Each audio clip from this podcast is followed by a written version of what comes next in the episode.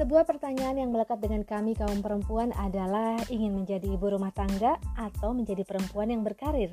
Well, sebetulnya keduanya baik kok karena sebagai ibu atau istri kita bisa mengurus suami dan anak-anak dengan baik dan tentunya juga sebagai perempuan kita memiliki harapan dan impian untuk terus berkarya dan berdaya.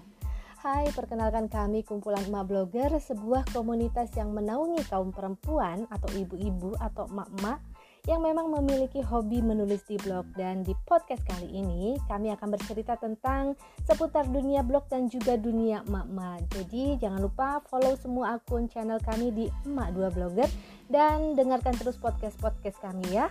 See you.